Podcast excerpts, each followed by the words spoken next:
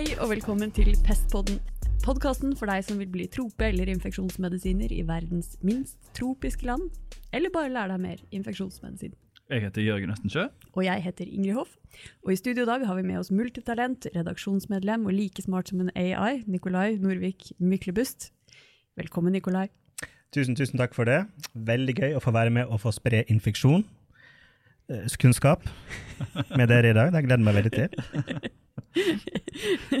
Eh, Nikolai, du er jo som Jørgen og jeg eh, LIS i infeksjonsmedisin. Mm. eh, eller legespesialisering, som det også heter. Lyttere som har vært på infeksjonskurset for generell indremedisin, de kjenner deg kanskje igjen som mannen bak det eminente antibiotikaforedraget der. Eh, og ikke nok med det. Nikolai han er også utdanna profesjonell musiker fra Griegakademiet og har laget all musikk til Pestpodden, inkludert den flotte vignetten. Mm. har. Tusen takk for den fine introen. Nå, nå er jeg veldig spent. Hva, hva er dagens episode? Fremover! Du vil fremover? Fremover, Ja, fremover. kamerater. Ja. Antibiotika, dagens tema. Mm. Og du vil fremover, men vi vil som alltid bakover. Ok, folkens, hvor langt tilbake tror dere vi skal i dag? Kambrosilur? Jura. Nei. Det var antikken som vanlig? Vi skal tilbake igjen til 1000-tallet. Ah. Ja da, for da hadde man også en felleskatalog. Det var bare det at felleskatalogen het ting som The Anglo-Saxon Leach Book, altså igleboka. Og mange av miksturene krevde at en jomfru henta vann fra en elv som rant østover, som hun deretter blandet magiske urter i under fullmånens tredje vårhjemdøgn. Altså så litt vilt ut, dette, her, Ingrid. Veldig vilt. Ja, er helt elementært. Altså, lærte ikke dere dette på studiet?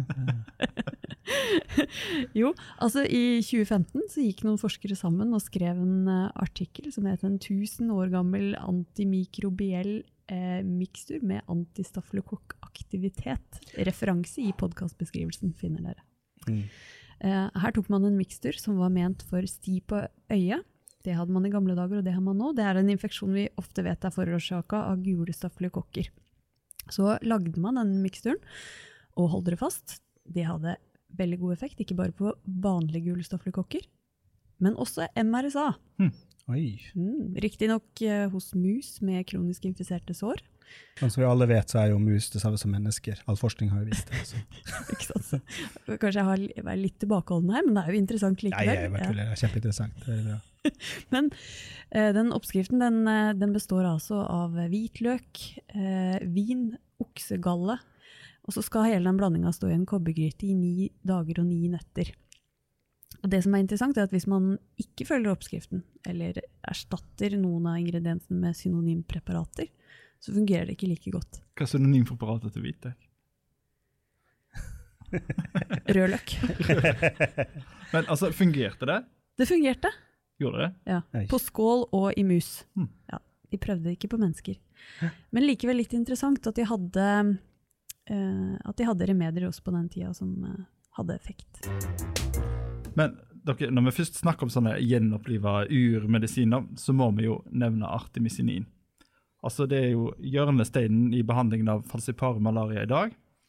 Og måten jeg fant denne på, da, det var at den gikk gjennom sånne gamle protokoller og, og bøker. I, en fant det faktisk i kinesiske medisinbøker. Ja, det var ikke bark fra et tre den gangen.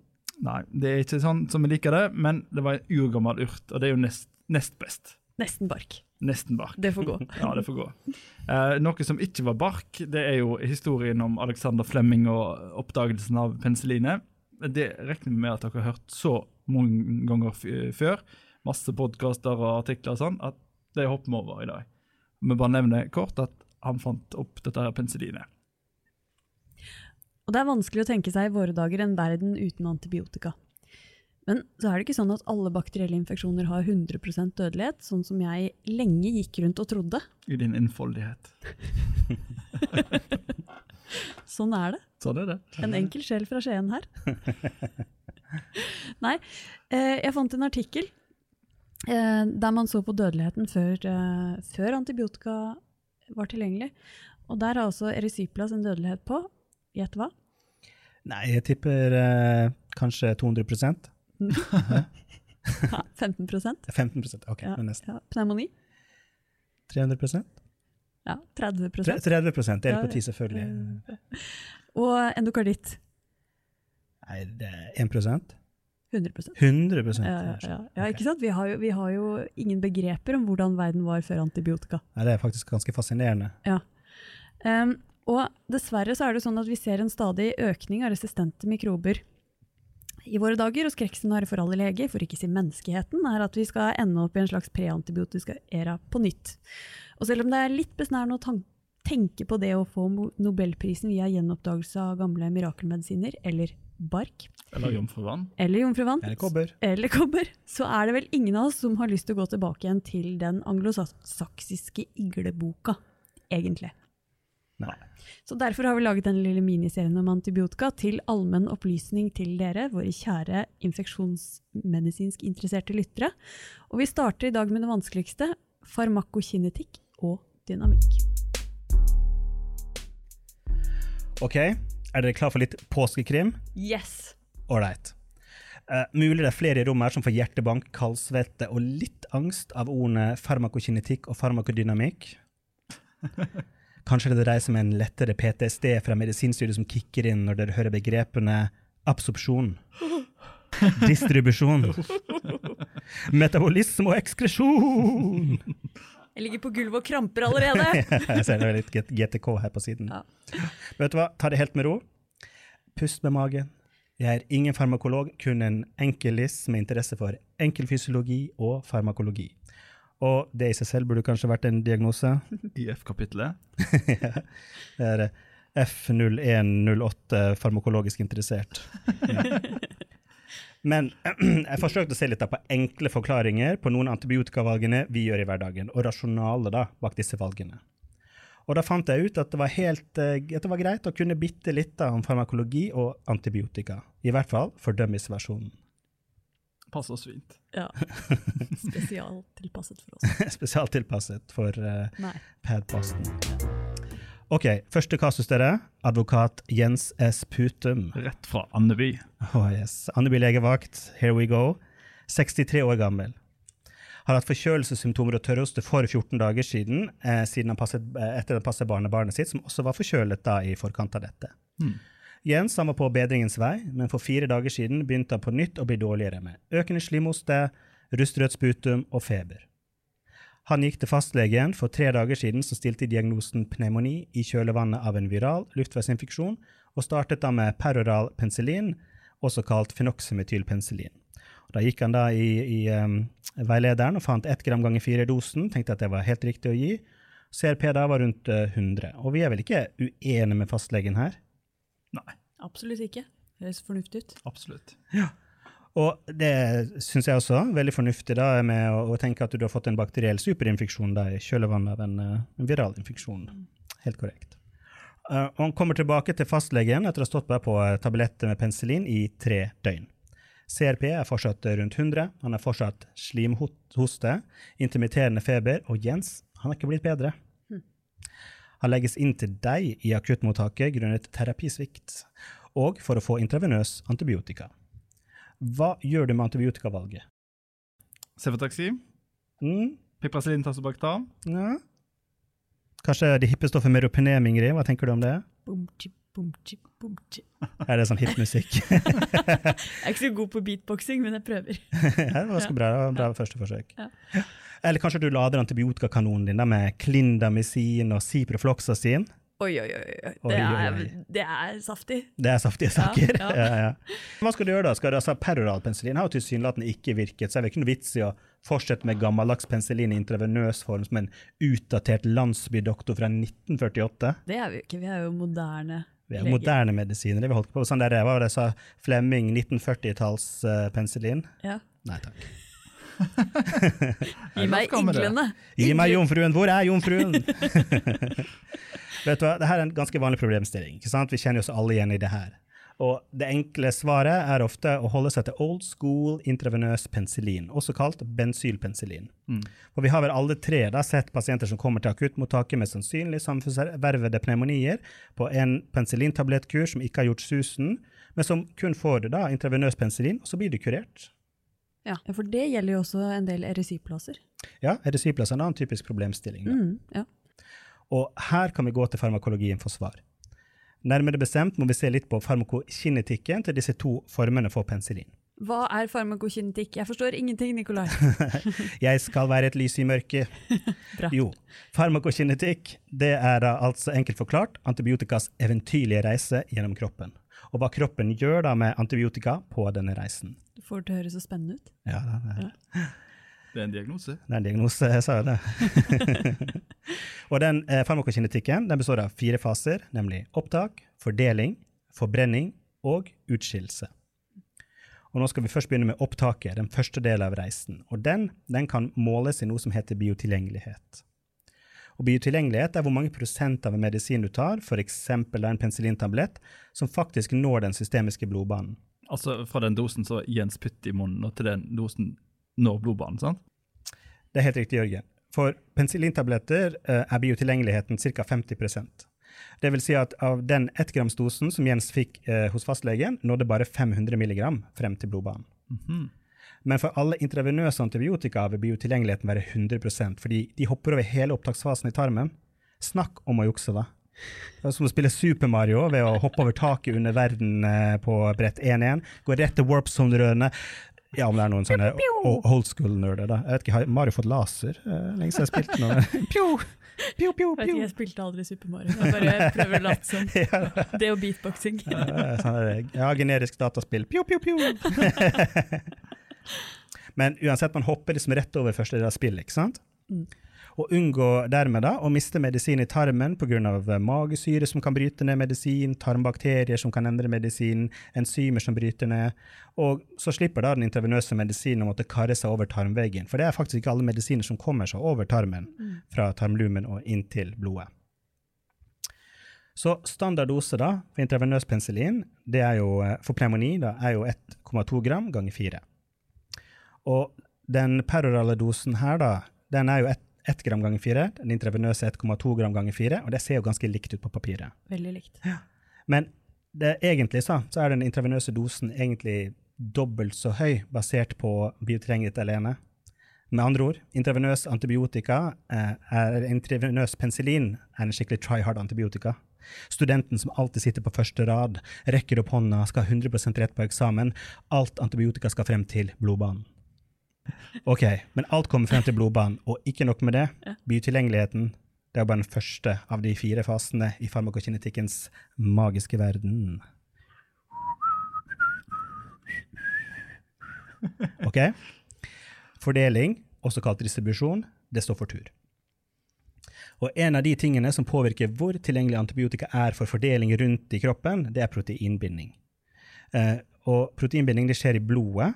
I hovedsakelig så har vi to proteiner, albumin og alfa-1 føteprotein. Og disse da proteinene de binder fra 0% til nesten 100 av antibiotika i blodet. Og det samme antibiotika, eller forskjellige antibiotika? Å ja, sånn ja. Nei, det blir forskjellige antibiotika fra 0 til 100 da. Så en antibiotika har gjerne en fast proteinbinding, selv om det kan variere fra studie til studie. Mm. Så for peroral fenoksymetylpenicillin binder ca. 60, eh. 65% av dosen som når blodbanen, til albumin. Og kun 200 mg av de 500 som nådde fram til blodbanen, får lov til å være fritt og kunne bekjempe skumle mikrober. Så da har vi gått fra 1 gram, som Jens putta i munnen, til kun 200 mg fritt og effektivt antibiotika i blodet. Men for intravenøs penicillin er historien litt annerledes. Her er proteinbindingen til albumin faktisk lavere, nærmere 40-50% og ca. 600 mg av de 100 og, eh, 1200 mg som vi gir direkte i blodbanen, får lov til å være fritt og bekjempe skurkene. Så intravenøs penicillin har også lavere proteinbinding. Den har faktisk det, og det var ganske overraskende for meg. Jeg tenkte nå alltid penicillin er penicillin, men eh, det er nå, husk navnet fenoxymetylpenicillin, Mm. bensylpenicillin. Det har nå litt forskjellige kjemiske strukturer, selv om den virksomme delen er lik. Ja. Og da vil du kunne binde forskjellig til forskjellige seter på albumin. Mm. Mm. Og det her er et poeng, da, for, vi, for å behandle en infeksjon så må du ha høy nok antibiotikakonsentrasjon i vevet, og hvor infeksjonen faktisk si- sitter. Nærmere spesifisert så må konsentrasjonen komme over den minste inhibitoriske konsentrasjonen til mikroben. Altså den konsentrasjonen hvor antibiotika blir giftig for bakterien og hemmer veksten. Også kalt MIK-verdien. Og en tredobling da, av den effektive antibiotikadosen i blodet og i vevet er ofte nok til da, å få eh, konsentrasjonen godt over mikroverdien og bekjempe litt mer seigliva infeksjoner i lungevevet, hvor det kanskje er atlektaser, slimstagnasjon, infisert pleuravæske, deler av lunge med nedsatt blodsirkulasjon osv. som krever en høyere konsentrasjon for å komme seg over mikkverdien. Altså, det er verdt å forsøke IV-penicillin selv om peroral penicillin ikke har strukket til, da opptak og tilgjengelighet er bedre for IV-penicillin sammenlignet med peroral penicillin. Pharmacokinetic, baby.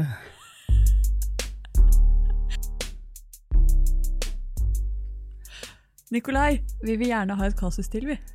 Og det var flaks at jeg hadde forberedt en kasus til. Sykt flaks. OK, kasus to, folkens. Yes. Dessverre hadde den ivrige turnuslegen i akuttmottaket den kvelden ikke hørt på denne podkasten og visste ikke om denne vesentlige forskjellen mellom peroral penicillin og IV-penicillin. Stakkars. Han tenkte Se, en sporv! Hvor er kanonen min? og så fant han frem Cefotaxim og Klindamusin for å plafre ned pneumonien til Jens. Oi, oi, oi. Og det var også nok bredspektra antibiotika til å gjøre Jens selvlysende i en uke. Det kan godt få litt sånn lasereffekter nå, Ingrid. Piu, piu, piu. Ja, det er det. Jens blir selvfølgelig frisk for pneumonien sin, men en måned senere blir Jens S. Sputum Nei, S. Putum, har jeg kalt han. Lagt inn på sykehuset igjen Fra Andeby legevakt. fra Andeby legevakt. Denne gangen med en voldsom diaré. Du mistenker clostridius difficile-infeksjon i tarmen, da du har lest at cefotaxim og clindamycin er noen av de verste antibiotikaene for å gi dette, og ønsker å behandle med vankomycin. Men du syns at Jens han ser litt klein ut, og du ønsker å behandle han med IV vankomycin. Hvorfor er ikke det en god idé? Nei, fins det en farmakokinetisk forklaring på det, kanskje? Ja, vet du hva, Det er veldig veldig bra spørsmål. ja, for igjen så kan vi se på biotilgjengeligheten. da. For vancomycin-tabletter så er denne faktisk null. Jeg gjentar null utropstegn prosent. Fordi vancomycin kommer seg ikke over tarmveggen. Og det kan man jo ta, vanligvis tenke det er en ganske dårlig deal. Men vent, infeksjonen sitter jo i tarmlumen til Jens, og vancomycin-tabletter vil derfor oppkonsentreres i tarmen og virke akkurat her hvor du vil den skal virke, uten noen systemiske bivirkninger. What a deal! Superdeal. Superdeal. Så dersom du ønsker å gi noe intravenøs antibiotika fordi du er bekymret for nedsatt tarmbevegelse, kanskje du er redd for tarmabsesser eller bakteriemi, så kan man faktisk da gi metronidazol IV i tillegg eh, til peroral vancomycin. Så hvis jeg skal forsøke å konkludere det her i en form av en reklam reklame Er dere klare? Yes. Ok. Hvis du har en tarmluveninfeksjon, hvorfor behandle hele kroppen? 0% biotilgjengelighet. Skaff deg din dose i dag. Vancomycin. It's toasted. Ja, bra. Fikk du lyst på Vanco nå, eller, Ingrid? Jeg klarer ikke å snakke. Jeg synes Du er så god på reklamer at jeg holder på å le meg i. Ok, men altså, bakdelen da med, med 0 biotilgjengelighet er jo at hvis man skal behandle et hvilket som helst annet fokus i kroppen, så er vancomycin helt ubrukelig. Ingenting kommer inn i blodet så lenge tarmveggen er intakt, så spar pengene dine. Det er ganske dyrt. Ja, det er ganske dyrt. hva, er felleskatalogprisen på Vanco? Åh, masse. I pesetos? Eh, Masse pesetos. Masse pesetos. ja. og dalere og galninger. Og for eksempel da, Hvis du har en endokarditt og du vil behandle den med vancomycin, så hjelper det veldig lite med vancomycin-tabletter, selv om du skulle være toasted. Da må du faktisk slå til med intravenøs behandling. Og når vi først snakker om vancomycin, vår grampositivt virkende atombombe Takk, Nikolai. Vær så god, Ingrid. Som tar så å si alt eh, grampositivt, inkludert MRSA, så eh, må vi huske på at vankomusin ikke virker på VRE eller gram-negative mikrober i det hele tatt. Rent bortsett fra i den perorale behandlingen av klostridium, så er vankomusin altså en rent gram-positivt virkende antibiotika som man sjelden bør skyte med blindt og empirisk, foruten i spesielle situasjoner. Eh, vancomycin virker på celleveggen i bakterier, men har et mindre effektivt mikrobedrap enn f.eks. beta-lactam-antibiotika. Mm. Sånn at kloxacillin IV er altså mye bedre enn vancomycin IV for en eh, staphylococcus aureus bakteriemi, gitt at den gule stafylokokken er sensitiv. Men det er som regel gule stafylokokker i Norge. Andelen MRSA i blodkulturer er ekstremt lav. På tross at vanko er napalm for gressplenen av gram-positive mikrober. Har du lyden av uh, dette? Altså, jeg har øvd ganske mye på lyden av napalm. Eller jeg skal prøve. Sånn det. Napalm for gressplenen av gram-positive mikrober der, så har den mange ulemper. Blant annet så er man avhengig av å komme opp i tilstrekkelige serumkonsentrasjoner for effekt, og vi må følge med regelmessig speil. Men hvorfor må vi følge dem med speil, egentlig? Jo, for uh, hvis du ikke doserer vankomusin høyt nok, så ender du opp med å ligge i et subterapeutisk speil. Og Mm. hvis du doserer for høyt, så ender du opp med å øke risikoen for nefrotoksisitet. Som med andre ord et ganske smalt terapeutisk vindu. Absolutt. Og eh, konsentrasjonen man tilstreber, det er, for å si det litt generelt, men det gjelder de fleste infeksjoner her, eh, 15-20 mg per liter. Eh, vi følger med serumspeil, men det finnes en AUC-kalkulator også, som man kan bruke. Meg bekjent så er den ikke i bruk, i hvert fall ikke utstrakt bruk enda, Mm. men det er noe folk eh, forsker og ser nærmere på. Interessant. Men husk å følge kreatinin i tillegg til serumspeilet. Absolutt. Men Nikolai, kan du ut ifra eh, denne her farmakologien din forklare oss og lytterne hvorfor vi bruker gentamicin med sepsis? For det første så er jeg- det er veldig hyggelig at det er min farmakologi. Ja, det er jo din. Farmakologien min. Nei, jo, Ja, Da skal den bli vår felles eie. Jeg var felles. Vår alles kjære farmakologi kan jeg bruke til å forklare dette med sepsis og gentamisin. Det er helt korrekt. Ja. Jo, jeg kan forsøke. Uh, ved sepsis så har man en bakteremi som driver en systemisk inflammasjon. Dette fører til pasientene kan få høy feber, rask puls, lavt blodtrykk og blir ustabile. Så her ønsker vi å få så rask kontroll på bakteremien som mulig ved å fjerne driveren av denne inflammasjonen. Uh, Så vi kan se litt nærmere på de farmakologiske egenskapene til gentamisin.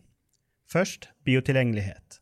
Vi gir som regel gentamisin intravenøst, og da blir biotilgjengeligheten hva for noe? 100 Helt riktig, Jørgen. Yes. Så hele dosen vi administrerer når blodbanen hvor bakteremien sitter. Neste poeng proteinbinding. Proteinbinding eh, til gentamisin er nær 0 som vil si at hele dosen som når blodbanen, får lov til å være fritt og virke. Oi, oi, oi. Jeg syns veldig synd på de bakteriene som, som tør å være i blodbanen på dette tidspunktet. Jeg vet, jeg vet. Og det er ikke nok med det, da. For gentamisin er en skikkelig leiemorder av yrket. Den er nemlig bakterisid. Det vil si at den tar livet av over 99,9% av bakteriene den virker på. Antibiotikans John Wick, med andre ord. Oi, oi, oi. Og et siste poeng med gentamisin, der da uh, må vi snakke om distribusjonsvolum. Um, eller distribusjon. Og en grov måte å se distribusjon på er gjennom distribusjonsvolum. Dette oppgis i liter og sier om, eh, noe om hvor godt antibiotika sprer seg rundt i kroppen. Antibiotika med lavt distribusjonsvolum på ca. 5 liter vil kun fordele seg på de 5 literne med blod vi har i blodbanen. Eh, Om distribusjonsvolumet er litt opp- oppunder 20 liter, vil det hovedsakelig være i blodbanen og den ekstracellulære væsken. Mens om det er over 40 liter, så begynner antibiotika da å fordele seg intracellulært og rundt i de fleste vev i kroppen vår. Dette var en nydelig oppklaring. Takk. Og distribusjonsvolumet til gentamicin, det er jo 18 liter. Og det vil jo si Gentamicin, den holder seg stort sett og virker i blodbane og ekstracellulær væske, akkurat hvor bakterie, eller bakteremiproblemet som driver sepsisen, holder til. Ergo, gentamicin er et supert sepsismiddel hos de dårlige pasientene, hvor du tror gentamicin har god antibiotikadekning. Og Det er jo den første dosen da med gentamicin som ofte er den viktigste for å få den raske kontrollen. Så du kan jo seponere gentamicin etter hvert som sepsisen er under kontroll, så lenge du tror du har en adekvat eh, mikrobiell dekning uten gentemesin da, for å spare nyrene, f.eks. Men få skylt gjennom blodbanen, for å si det litt enkelt. Ja, jeg tenker litt sånn gentamisin uh, skylt gjennom blodbanen, eller sånn blodbanestøvsuger, da. Hva det? Suger opp hele bakteriemien med gentemesinstøvsugeren din. det er liksom det bildet jeg lagde meg i hodet. Jeg sa at det var for dummies, det her, da, og jeg er en Ja, dummy. Så eh, Det er vi som er dine dummies her nå. ja, alle tre dummies her. Men hvis jeg har en pasient med en kjempeabsess, så tenker jeg at da gir jeg gentamisin i monoterapi. Det er jo god dekning for gule stafylokokker, det. Det må være, Er ikke det et godt valg, Nikolai? Vet du hva, Ingrid? Mikrobiologisk så har du jo 100% rett. Gentamisin er veldig god dekning for gule stafylokokker. Men ikke glem farmakokinetikken. Ah. Min gamle fiende. Ja. Absesser det er jo et lite problemområde da når det gjelder fordelingen, da, distribusjonen. Det har nemlig et fibrøst ytre lag, eh, ingen blodsirkulasjon inni seg som fordeler antibiotika på noe effektiv måte, så alt foregår med litt sånn passiv diffusjon. I tillegg så kan det være proteinbinding som skjer inni absessen, nedbrytende enzymer, et surt miljø osv. Og, så og det kan gjøre at antibiotika kan ha vansker med både å komme inn, men også problemer med å virke her. Uh, som jeg nevnte i stad, så har gentamisin et relativt uh, lavt distribusjonsvolum, som gjør at den holder seg mye i blodbane og ekstracellulært vev. Men den penetrerer derimot ikke så godt og dypt inn i mange typer vev og problemområder, som f.eks. en absess. Aha, sånn at eh, en absess er som en ugjennomtrengelig borg for gentamisin. For gentamisin jeg kan ikke si ugjennomtrengelig, men det er ikke den beste mannen å ha i frontrekken når du skal da bedrive angrep på denne borgen. Nei. Ja, Nei. Godt sagt. Gullstandarden for absessbehandling det er tømming. Om absessen er tilgjengelig for tømming under 5 cm i diameter, så trenger man ofte ikke antibiotika i det hele tatt om man får tømt og skylt denne skikkelig og la den gro fra bunnen av. Men det er jo ikke sånn at alle absesser er like tilgjengelige for tømming. De kan f.eks. være mange små absesser med mange små rom som er vanskelig å få tømt skikkelig, eller absessen kan sitte steder i kroppen som er vanskelig tilgjengelig for kirurgisk tømming, som i tynntarmen hos pasienter med Crohns sykdom. Og da trenger man antibiotikabehandling for å få has på absessen. Og Normalt sett så vil jo kloksosilin ha en gul staffdekning samt penetrere en absess helt greit. Dersom absessen har fått stått en stund, da, så kan man tenke seg at absessen den har blitt eh, sur, det har blitt oksygenfattig inni der, og det her vil jo fremme vekst av anaerobe bakterier. Og Da kan det jo være en god idé å legge til en anaerob dekning, da, sånn som metronidazol. Men om du ikke kommer i mål, så kan du da skrive bak øret klindamisin. For den penetrerer nemlig denne borgen oppkonsentreres i absesser og hulrom som plaurahulen, dekker bredt og blir ikke deaktivert så lett inn i absessen. Og den legges ofte til på medikamentlisten hos syke pasienter med store eller vanskelige absesser, eller der på sykehuset. Så kan vi nevne til slutt at klinamisin også er en av de antibiotikaene som har en ganske høy bytilgjengelighet på hele 90% Så om du velger å da gi en eh, peroral antibiotikahale etter den intravenøse kuren, kan du være rimelig trygg på at dosen den når blodbanen dersom tarmen virker sånn som den skal. Men til slutt, Nikolai, hvorfor doserer vi antibiotika sånn som vi gjør? Hvorfor penicillin ganger fire og gentamisin én gang i døgnet? Kan vi ikke bare enten gi all antibiotika i fire doser daglig, eller gi én megadose av all antibiotika til alle en gang om dagen, for å slippe alle de her infusjonene? Jo, om vi skal se på antibiotikadosering, så må vi snakke om drap. Skal det bli sånn uh, true crime på dette? da? Ja, det her er true crime-bagen. ja, altså, mer spesifikt må vi snakke om tidsavhengig og konsentrasjonsavhengig bakteriedrap. Ah. Litt kjedelig, ja. Litt kjedelig. Untrue not crime-bagen. Fordi Antibiotika da, kan deles inn i tre grupper basert på hvilke parameter som er viktigst og mest effektivt for bakteriedrap. Vi har de som virker best ved høyest mulig enkeltdoser, altså konsentrasjonsavhengig antibiotika, sånn som gentamisin. Her er det gunstig å gi høyest mulig dose for best mulig bakteriedrap. Uh, man må selvfølgelig forsøke å unngå toksiske doser med antibiotika, så det er noen naturlige da, pasientbegrensninger uh, på hvor høyt vi kan gå. Mm. Men høyest uh, mulig tolerabel enkeltdose er tommefingerregelen, gjerne dosert én gang i døgnet for å kunne gi høyere doser. På den andre siden av skalaen har vi antibiotikaene som virker best så lenge de kommer litt over MIK-verdien, men ikke har noen stor tilleggseffekt for å dosere veldig mye over MIK-verdien. Uh, disse antibiotikaene må heller få virke over lengre tid for å få utøve bakteriedrap, altså er de tidsavhengige antibiotika. Et eksempel på dette er jo betalaktamer som penicillin. Disse må typisk doseres flere ganger i døgnet for å holde dosen jevnt over mikk. Altså tid over mikk. Tid over mikk er et annet begrep ja, yes. som man bruker om dette. Uh, og så da har vi selvfølgelig Joker-gruppen i midten, som har det fengende navnet areal under kurve over minste inhibitoriske konsentrasjonsantibiotika. Uh. Se det en gang til, da. Ja, ja. areal under kurve over mikk. Og jeg lurer på om jeg skal gi det navnet til mitt førstefødte barn. Det ligger liksom så rett ruller av tungen, der, for å si det slik. For å si det slik. Uansett, disse antibiotikene de virker best ved både å kunne gi relativt høye doser, men også ved å holde konsentrasjonen over MIK-verdien over tid. Altså høyde, som er konsentrasjonen, ganger lengde, som er tiden, det blir et areal. Og Derfor har det fått det fengende navnet areal under kurve over mikk. Disse antibiotikaene kan ha en variabel dosering fra én gang om dagen i høye doser, eller doseres ut gjennom døgnet med lavere doseringer, f.eks. av citromycin. Det kan for forskjellige typer infeksjoner doseres alt fra én gang i døgnet til tre ganger i døgnet. Men i, i tillegg til disse her eh, tre begrepene, så har vi et litt sånn tåkete begrep synes jeg, som er, heter postantibiotisk effekt. Hva er egentlig det, Nikolai? Jo, den postantibiotiske effekten det er da noe som vi har observert eh, er forskjeller på forskjellige typer antibiotika og hvordan de virker mot forskjellige typer mikrober. Og fordi En del antibiotika har nemlig effekt på å forhindre bakterievekst en stund, altså hovedsakelig timer, selv etter at konsentrasjonen eh, har, eh, i blodet har sunket vel under MIK-verdien. Og Gentamycin er et eksempel på en antibiotika som har en postantibiotisk effekt som kan vare i mange timer, både for gram-positive og gram-negative bakterier, og hindre at infeksjonen da blusser opp igjen med en gang konsentrasjonen synker under MIK.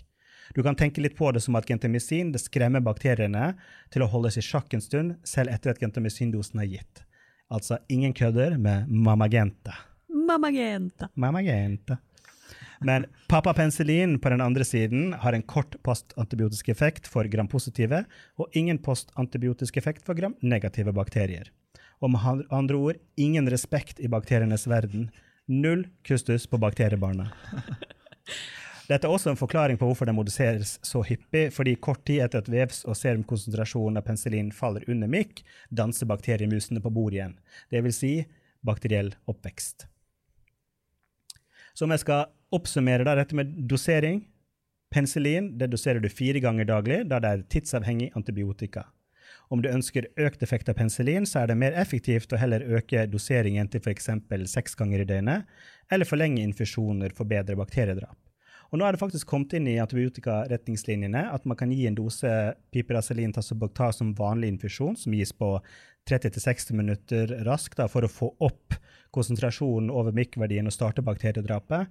Men så gir man påfølgende dose videre, som forlenger infusjoner som alle gis over tre timer. For å holde tid over MIK? Helt riktig. Da holder du tiden over MIK eh, større deler av døgnet. Så det fører jo til lavere toppkonsentrasjoner. Men siden det er en tidsavhengig antibiotika, så er jo betydningen og eller meningen er jo å ha MIK, eh, konsentrasjon over MIK-verdien heller større deler av døgnet. Da får du mer effektivt da, bakteriedrap. Ja. Og dette er jo litt sånn generelt for betalaktamer, at det er virkningsmekanismen. Men for gentamicin, da, derimot, så den er konsentrasjonsavhengig og doseres normalt sett i relativt høye doser en gang om dagen for best mulig bakteriedrap. Om du ønsker økt effekt av den, er det ikke noe vits i å porsjonere den ut i masse små doper og dryppe Genta på pasienten utover dagen. Øk heller dosen fra 5 mg per kilo til 7 mg per kilo. Og den, for den postantibiotiske effekten gjør at det tar mange timer etter at serumsverdien har falt, før bakterien tør å vokse igjen. Mamagenta. Ok, vi tar en oppsummering til slutten. La oss oppsummere, Ingrid. La oss oppsummere. Penicillin IV kan fungere selv om peroralt penicillin har svikta. Det er helt rett. Den har både IV har både bedre biotilgjengelighet siden den gis intravenøst, og det er faktisk mindre av den som bindes til proteiner i blodet, og det er mer fritt antibiotika tilgjengelig. Så samme dose med intravenøs antibiotika gir tre ganger så høy um, effektiv antibiotikadose i blodet. Mm. Og hvis vi skal øke effektiviteten, så gir vi heller ganger seks fremfor å øke dosen. Det er også helt riktig. Hvis du gir det ganger fire i døgnet, så holder du da tiden over mikk ca. 40% av døgnet. Gir du ganger seks, kan du øke det til 50-60% av døgnet. Og det er det mest effektive parameteret for tidsavhengig antibiotika. Vankomisin peroralt fungerer kun i tarmen og ikke systemisk effekt. Det er helt riktig. Så lenge tarmen er hel, det ikke er noe stor inflammasjon som gjør at det begynner å lekke over i blodbanen, altså i normal tarm, så vil ikke vankomisin komme over tarmveggen og kun virke i tarmen. Og Gentamicin det er et strålende blodbanemiddel, men elendig til bruk ved absesser. Det er også helt rett. Det vil fordele seg hovedsakelig blodbane og ekstracellulært vev, men dessverre da penetrerer dårlig andre steder. Men det er jo det vi bruker mye gentamicin til også, er jo sepsis, så det er egentlig supert i den sammenhengen her. Og mamagenta har postantibiotisk effekt, mens papapenicillin har null respekt. Null respekt. Og så til slutt, kjære lyttere, hva tror dere Nikolai fikk i farm farmakologi på medisinstudiet. Karakter. Spennende. Riktig svar. Sender det til Fem, fem, én, to, tre. Bergen. Ja, nei, Nikolai. Sånn eh, alvorlig talt, hvor, hva fikk du i farmakologi? Alvorlig talt, er dere klare? Ja. Jeg fikk faktisk en D. så jeg, var ikke så eh, inspirert den gangen, da, men jeg har nå prøvd å hva man sier, gjøre bot for, uh, for min latskap på medisinstudiet og lese meg opp på dette fagfeltet senere, nå som jeg har funnet ut hvorfor det er gøy å kunne noe om det. Nå har du i hvert fall inspirert oss, da. Ja, men det er bra. Det var det vi hadde i dagens episode. Vi håper at tåkeheimen har lettet. Og at kunnskapshullene er tettet. Vi er Jørgen Østensjø, Ingrid Hoff. Nikolai Norevik Myklebust. Og du har lyttet til en episode av Pestpodden, en podkast fra Helse Bergen.